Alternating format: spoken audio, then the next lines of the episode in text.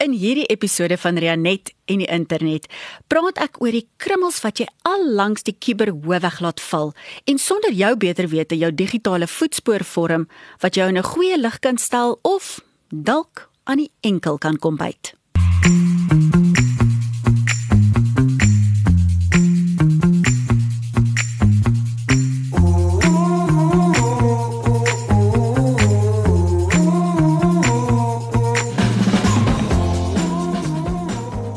Welkom. Ek is Rianet Leibowitz en in samewerking met Marula Media bring ek vir jou Rianet en die internet. Jou kubervelstand en aanlyn veiligheid is belangrik vir my.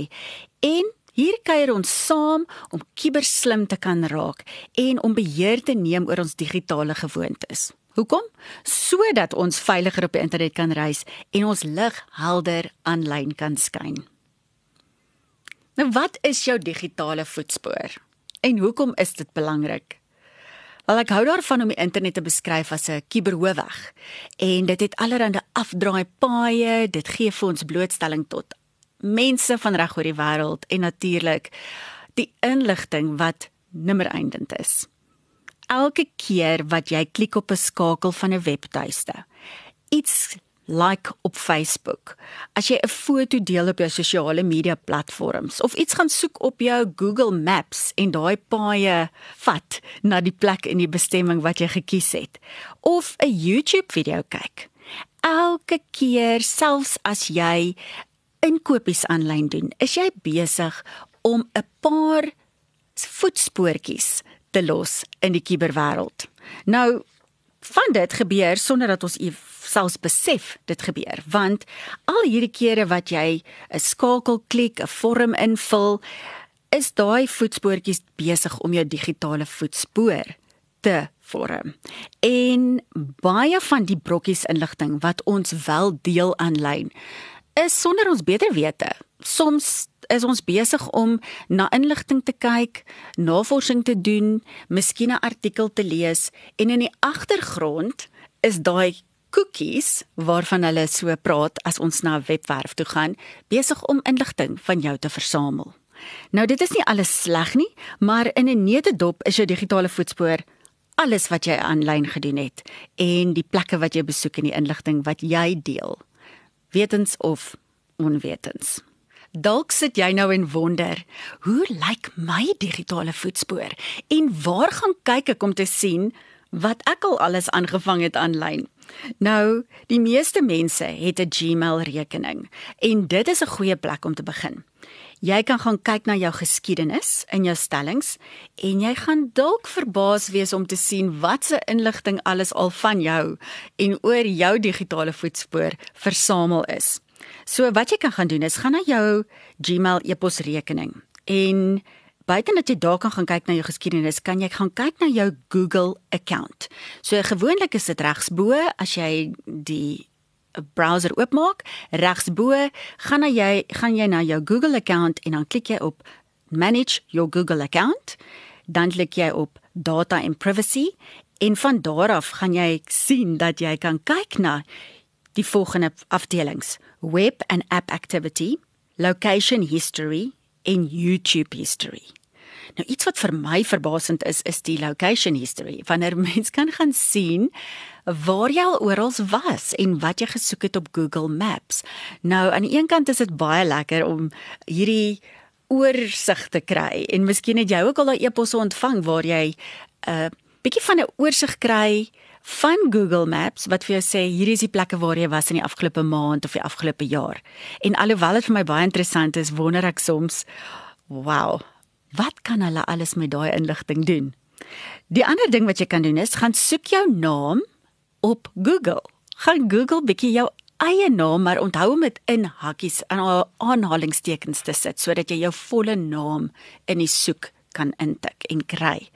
Dit kan dalk vir jou verbasend wees om te sien wat jy vind want baie keer deel mense naam met 'n bekende persoon of dalk iemand wat nie so goeie positiewe digitale voetspore het nie.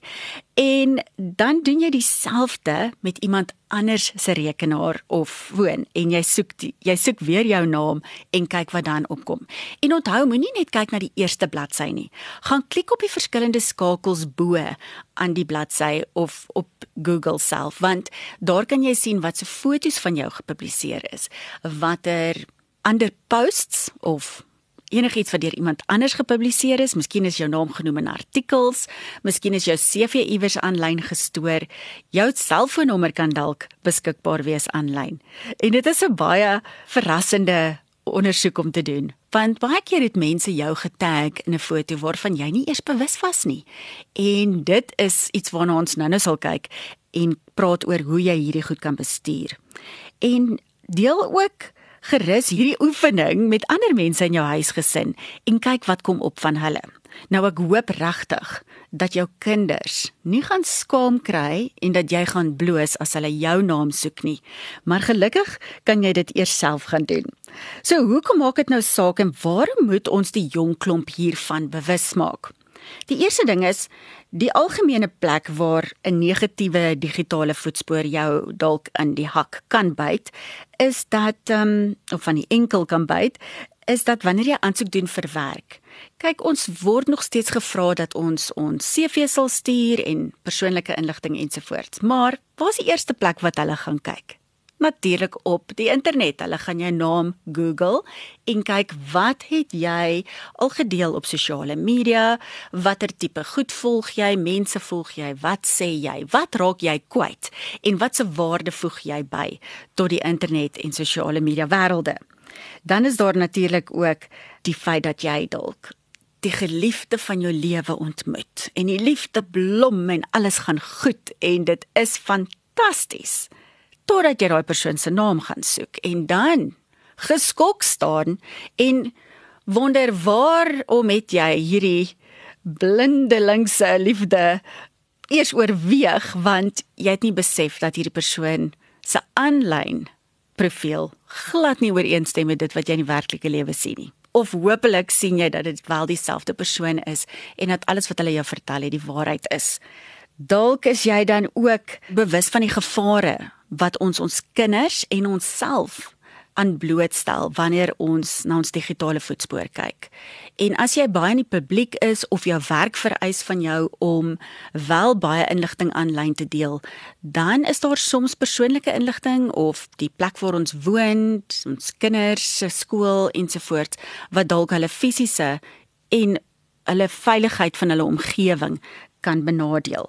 So ons moet dit net ook in gedagte hou want weet julle wat ons kan regtig waar die stukkies van die al die legkaart stukkies van inligting wat ons so oral deel op sosiale media in ons profile iewers is ons CV gestoor iewers anders is daar inligting rondom ons adres ons bankbesonderhede al daai legkaart stukkies kan gebruik word om hierdie legkaart prentjie volledig te bou en dit kan ongelukkig dan vir korrupsie gebruik word. Want en dit lei na my volgende punt is en dit is natuurlik identiteitsdiefstal. Dis 'n groot probleem en dat ons moet regtig kyk na waarom moet ons ons ID-nommer deel? Is dit van toepassing in hierdie gesprek of as jy by 'n plek aankom en hulle wil jou ID-nommer hê en jy moet hom in 'n boek skryf? Vra vir hulle is dit werklik nodig? Want identiteitsdiefstal het al baie mense se lewens ontsettend moeilik gemaak. En ons moet meer bewus raak om nie net sommer ons inligting vir enige iemand te gee nie. So wat kan ons aktief doen om 'n goeie en 'n positiewe digitale voetspoor te kry? Wel, vir professionele doeleindes gebruik platforms soos LinkedIn om die regte mense in jou industrie om met hulle kontak te maak en te skakel en om goeie insette te lewer en daar jou profiel te bou en daar in gesprekke deel te neem wat saak maak. Dan indien jy daarvan hou om te skryf, is dit goed om artikels en blogging en vlogging en al die goed wat jy kan doen. Gelukkig is daar so baie platforms vir ons beskikbaar. Gaan deel daai inligting sodat as iemand jou naam soek, is dit wat eerste en heel bo aan die soektog gelys kan word. En as jy nog raad nodig het, byvoorbeeld sê nou maar net jou digitale voetspoor lyk nie so rooskleurig en so positief soos jy wil hê nie, dan is daar 'n paar stappe wat ons moet neem om dit reg te stel en dit beter te maak. En seker te maak dat mense nie noodwendig op negatiewe artikels gaan klik wat jou naam in het nie, maar dat ons eerder ander maniere vind wat skakels deel, artikels deel wat vir jou in 'n positiewe lig sal stel.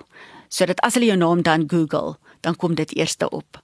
Maar as jy meer inligting rondom dit nodig het, besoek gerus my webwerf van Reël ons 'n masterclass, dan help ek jou daarmee want dit is so kardinale belangrike ding. Dit is jou identiteit wat aanlyn leef. En dan natuurlik wil ek ook 'n paar ander stappe met jou deel, net om jou aanlyn profiel veiliger en beter te maak. Nommer 1 is gaan verwyder al die rekeninge wat jy nie meer gebruik op sosiale media platforms en aanlyn inkopiewinkels ensovoorts nie. So oral waar jy nie meer 'n aktiewe profiel hoef te hê nie, gaan verwyder dit en moenie net die app of die toep van jou foon afhaal nie. Dit gaan nie help nie. Jy moet fisies op daai platform gaan en jou rekening gaan afhaal. Delete skoon vee. Dan gaan kyk jy na jou aktiewe profile soos Facebook en Instagram ensovoorts en verwyder enige persoonlike inligting wat dalk vir die publiek beskikbaar gestel kan word.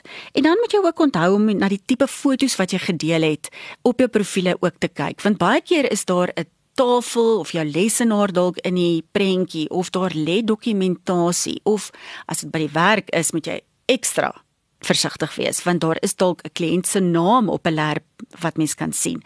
Of agter in die agtergrond van jou foto's is daar dalk persoonlike inligting wat jy nie wil deel nie.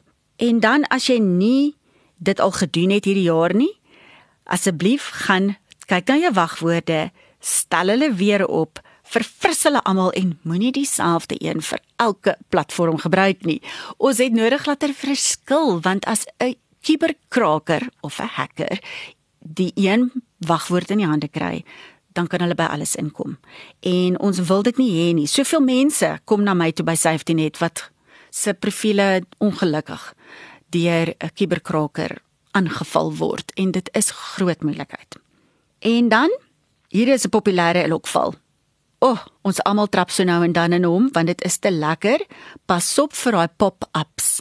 Daai klein advertensietjies wat vir jou allerlei oulike vraelyste en interessante quizzes wil gee om nou te antwoord. Want daardie goed sien elke liewe antwoord wat jy klik en hulle gebruik dit jy soos ons sê clickbait om jou inligting te versamel vir ander doeleindes en dis nie vir goeie redes nie. So ons het nou gepraat oor 'n digitale voetspoor, hoe dit lyk like, hoe jy kan gaan kyk na dit en hoe dit gevorm word en dan hoe om dit te bestuur. Maar ek moet asseblief net iets byvoeg. Want en ek praat hier oor in my boek Maak jou kind skerm slim hoofstuk 7. Hoekom is 'n aanlyn identiteit nou eintlik so belangrik? En is dit regtig iets om oor bekommerd te wees of moet ons dit aanvaar as deel van ons lewe? Nou in die verlede kon ons regtig net lekker fokus op hierdie 1 tot 1 verhoudings fisiese wêreld, die plek waar ons woon en werk. Ongelukkig het dit verander, maar gelukkig ook het dit verander en dit vereis van ons om ook aanlyn ons bankwese, ons transaksies, ons kommunikasie ensovoorts aanlyn te doen. En dit vereis dan van ons om wel 'n aanlyn identiteit te hê. En dit is 'n groot uitdaging vir ons jong klomp want alhoewel ons dit nie noodwendig verstaan nie, moet ons aanvaar dat hierdie vir hulle so belangrik is want as jy in sekere ouderdomsgroepe en portiergroepe as jy nie aanlyn is nie dan bestaan jy nie. En dan is jy nie deel van die kringe wat jou kinders in moet kan funksioneer en sosialiseer nie. En ongelukkig is dit waar hulle ook 'n identiteit moet bou. En ek sê ongelukkig want hulle is al klaar so besig met soveel verskillende uitdagings as ons dink aan die tiener tydperk in hulle lewe en wat dit in die invloed en die impak wat dit het op hulle. So dit is vir ons belangrik om te kyk dat ons weet dis vir hulle 'n belangrike ding om te vorm. Ons moet hulle help om dit te bestuur en hulle waarde te verstaan dat dit nie gevorm word deur die aanlyn kommunikasie en opinies van ander mense nie. So on, sonder daai aanlyn interaksies voel hulle onsigbaar. So ons moet regtig hulle help om dit te bestuur en hier is 'n paar goedjies wat ek net wil los voordat ons afsluit. Nommer 1 is kom ons wees altyd onsself aanlyn. As ek jou in die werklike lewe ontmoet, wil ek weet dis jy wat ek ook mee aanlyn gepraat het en jou herken vir daai persoon.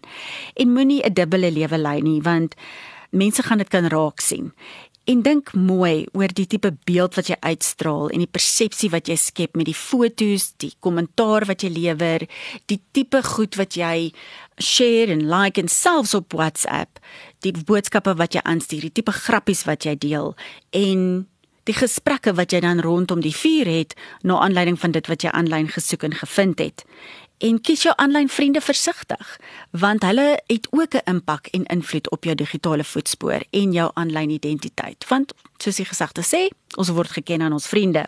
En dan dink voordat jy iets aanlyn deel onderneem om jou waardes aanlyn uit te leef. Want dit is tog die begin van verantwoordelike digitale burgerskap Baie dankie dat jy saam gekuier het vandag. Ek hoop jy het iets van waarde gevind. Laat weet my wat het vir jou uitgestaan en of daar iets is waaroor jy bekommerd is. En connect asseblief met my by Cyber Wellness with Rianet op Instagram, Facebook TikTok, LinkedIn. Ek sal graag met jou verder wil gesels en baie dankie vir almal wat wel vir my skryf en julle idees met my deel. Volgende week kuier ons weer saam en um, die volgende episode op Marula Media gaan wees oor selfies en selfwaarde. So onthou, reis veilig op die internet en skyn jou lig helder aanlyn.